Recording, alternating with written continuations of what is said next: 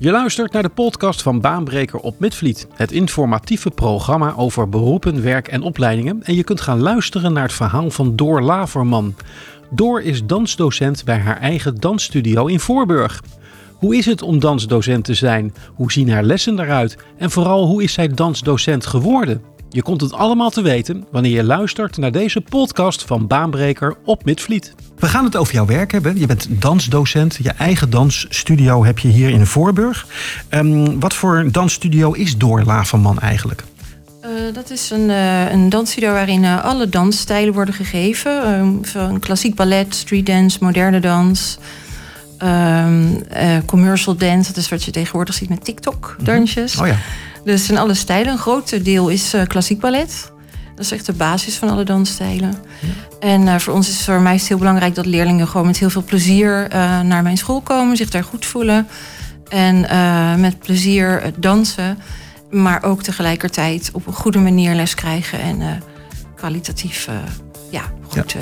leren dansen. Echt leren dansen, ja, ja, ja mooi zeg. Hoeveel dansgroepen heb je op dit moment? Op het moment heb ik uh, 27 uh, groepen. Wow. Waarvan er drie uh, zijn zeg maar selectie performance groepen. Ja. Die ook optreden als we in kleinere theaters staan of cultureel zomerfestival.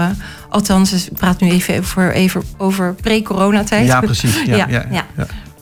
Oké, okay, en hoe oud is de jongste en de oudste leerling die je binnen je dansschool hebt? De jongste is 2,5. Kijk aan. Oh, wat leuk zeg. ja, heel erg leuk om les te geven. Ja.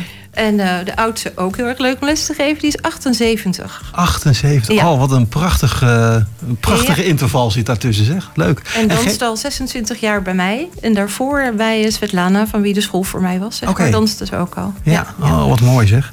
En um, uh, geef jij al die groepen zelf les? Of heb je, nee. doe je het samen met mensen? Ik heb een uh, zestal docenten die ook lessen geven bij mij in de school. Oké. Okay. Ja. En, en, en ja, dat heb je ook wel nodig, hè? Want als, je, als je zoveel groepen hebt, dat Ja. kun jij moeilijk op één dag allemaal zelf ja, doen. dat is niet te doen. Nee, Nee, nee, geef, wel- geef zes dagen van de week les. Mhm. Maandag tot en met zaterdag. Ik geef er zelf op het moment iets 14 uren. En de andere uren is de docent één, geeft één uurtje. En de andere docent geeft vier uurtjes. Dus part-time eh, erbij. Ja. Zullen we eens een bepaalde eh, groep eruit pikken? Als- ik jou nou zou vragen, kun je een, een, een, een gemiddelde dansles voor ons schetsen? Wat, eh, wat, wat kan ik dan zien? Ja, bij ik, ehm, als je een globaal een dansles neemt, dan begin je met een warming-up om de spieren goed op te warmen. Daarna worden er op techniek gewerkt, technische oefeningen aanleren. En daarna meestal een danscombinatie. En een eh, cooling down als einde van de les. Dat kan je globaal eigenlijk voor alle danslessen wel eh, op laten gaan. Ja. En die Ja. danscombinatie, dat is dan echt de inhoud. Dat is dan bijvoorbeeld een, een dansmove die je dan de, de leerlingen aanleert. Ja, dat is ja, meer dansmoes achter elkaar waarmee je een dans maakt. Ja. En eh, nou ja, naar dansen toe werken. we. We geven ehm, normaal gesproken één keer per twee jaar een eh, leerlingenvoorstelling in het Stadstheater in Zoetermeer. Ja. Met al onze leerlingen. Dus er staan er iets van 200 leerlingen in die voorstelling. Oh, wat leuk.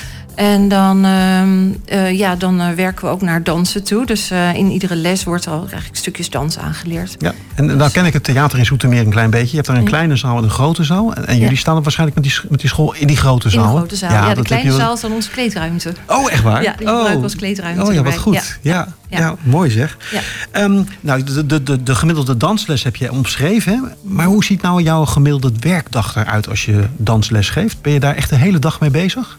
Ja, ja. Ja, ook om- de- omdat ik de school eh, run. Het is mijn school. Dus de, de dag begint eh, eigenlijk iedere dag met de administratie. eh, de mails beantwoorden, ledenadministratie, facturatie.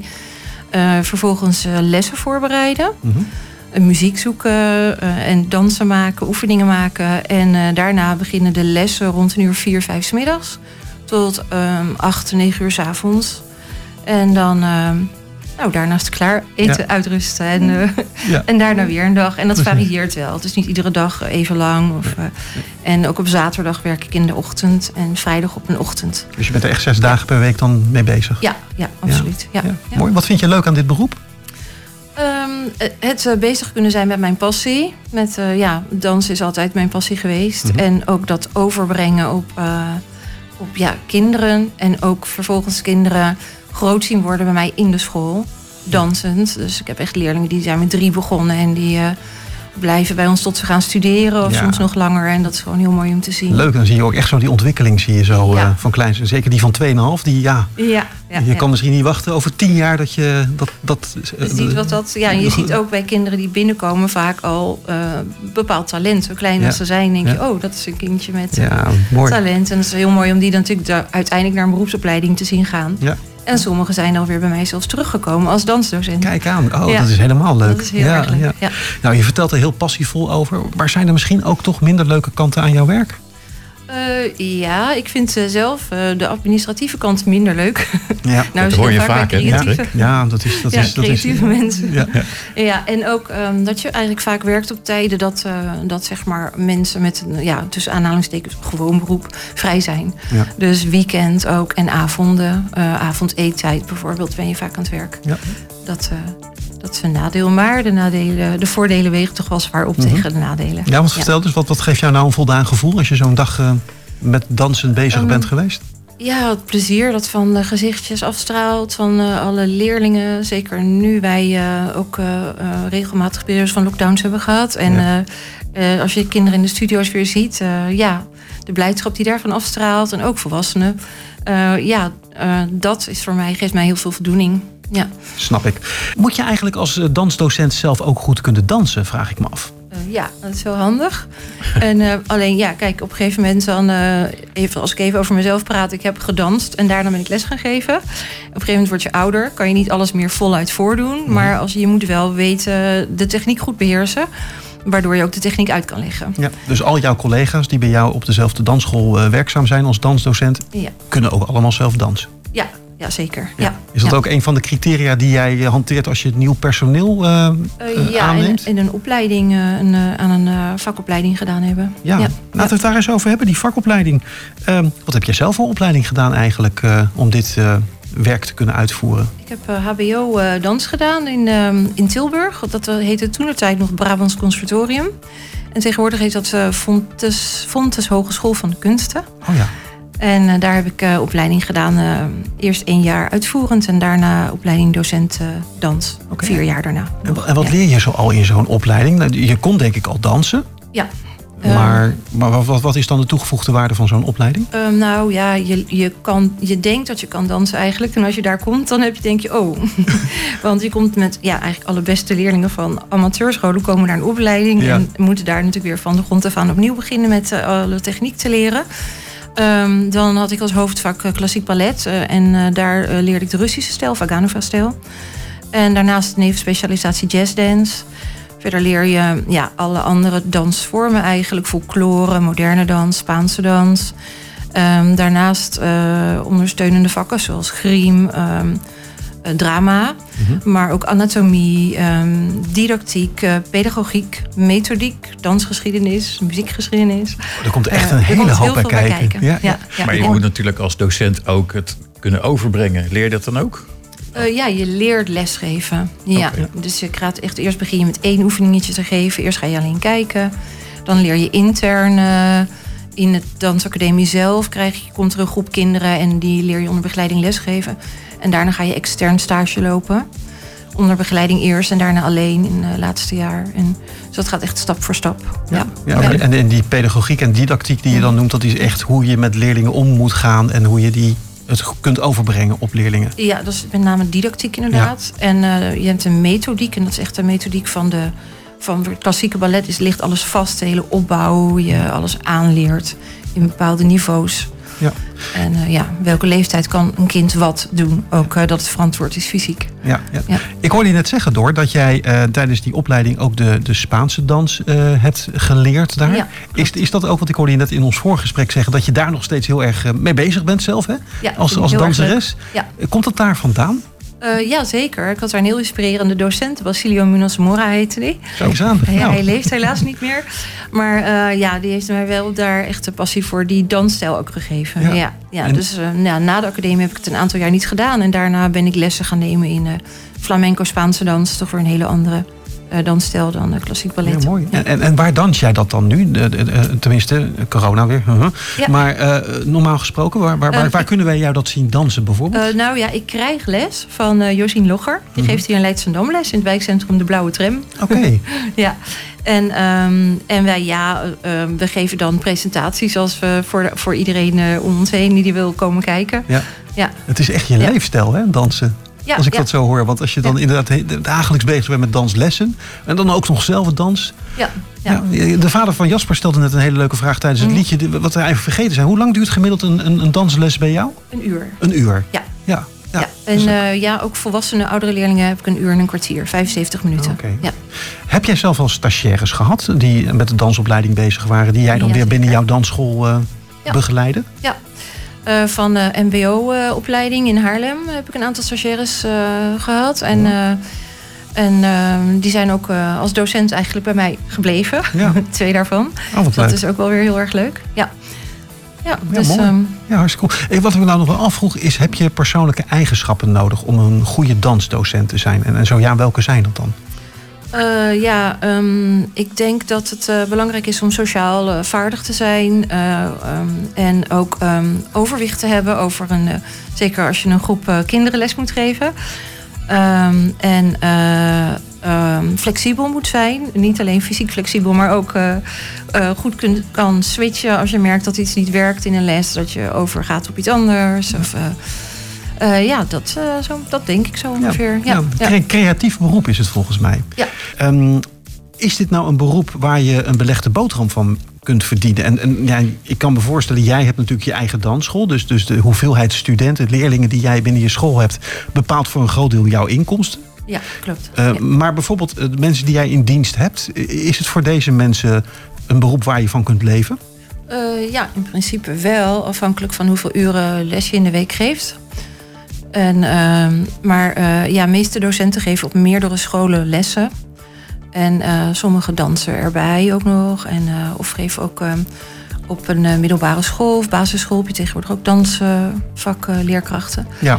dus ehm, ja, En op die manier is, is, het, is het goed te combineren... en dan heb je Ja. dat inkomen waar je van kunt leven.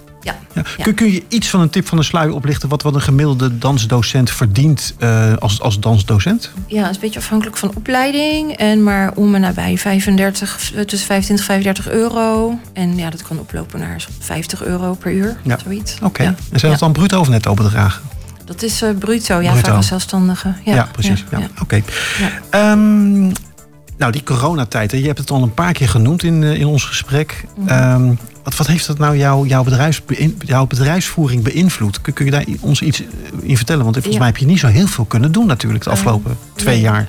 Nee, het heeft enorm veel invloed gehad. Ja. Eh, het is een heel lang verhaal als ik het allemaal zou vertellen. Ja. Maar eh, ja, we hebben twee lockdowns, of ja, drie eigenlijk lockdowns gehad. De laatste was de kortste, gelukkig. Want sinds afgelopen zaterdag mogen wij weer lesgeven. Ja. De eerste keer zijn we drie maanden, mochten we geen lessen geven in de studio's. En de tweede keer vijf maanden. Eh, we zijn gelijk eigenlijk overgegaan op ehm, eerst filmpjes maken. Eh, en eh, daarna om via Zoom online les te geven. En zodra het enigszins kon qua het, met het weer, zijn we buiten les gaan geven. Ja, want dan waren de binnenruimtes nog niet toegankelijk, Nee, maar buiten. buitensport mocht toen op een gegeven moment. En dat is ja, verre van ideaal, uiteraard voor dansles geven. Maar het was al wel zo leuk om dan weer met de leerlingen in contact te zijn. Ja. Dus we zijn er wel heel erg ehm, creatief van geworden.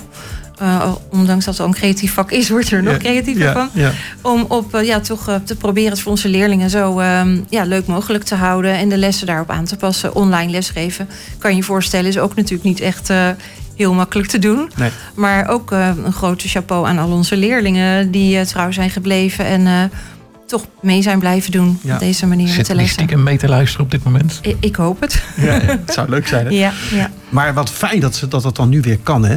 ja heel Ja. erg fijn. Zo, zo blij. Ja, Ja. ja. Nou, en laten we hopen dat dit voorlopig zo, nou niet voorlopig, dat het gewoon zo blijft. ja Toch? zeker. Ja, en dan, zeker. weer, dan Ja. ga je ook weer naar optredens toe werken, denk ik. Dan gaan we ook weer naar Ja. optredens toe. Ja, Komt normaal dat- gesproken komt doen we dat dat één keer per stadstheater twee jaar. Komt ja. dat er weer aan en ja, dan eh, ja. Kun je weer eh, de performance gaan geven met, eh, met alle dansgroepen die je hebt. ja, dat zou echt heel super zijn. ja, mooi. Eh, zijn er binnen jouw beroep ook ontwikkelingen gaande? Dingen, dingen die vernieuwend zijn bijvoorbeeld? En, en hoe hou je dat dan bij?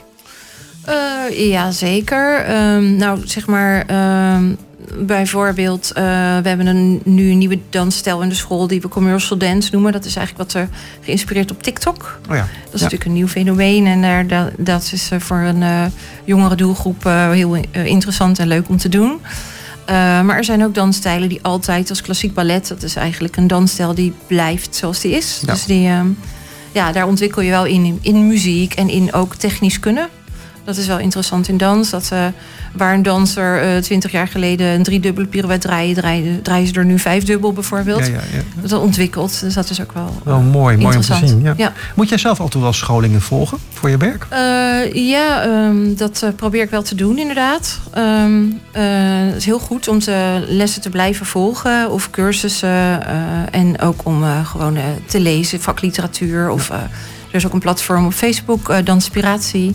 En daar zijn dansdocenten met elkaar in contact. En uh, uh, ja, daar kan je toch van elkaar leren. En ja, dat is wel belangrijk om te blijven ja, doen. Ja, mooi. Ik. Je hebt ook wel regelmatig contact met je collega's, denk ik. Ja. Over hoe zij het dan uh, aanpakken.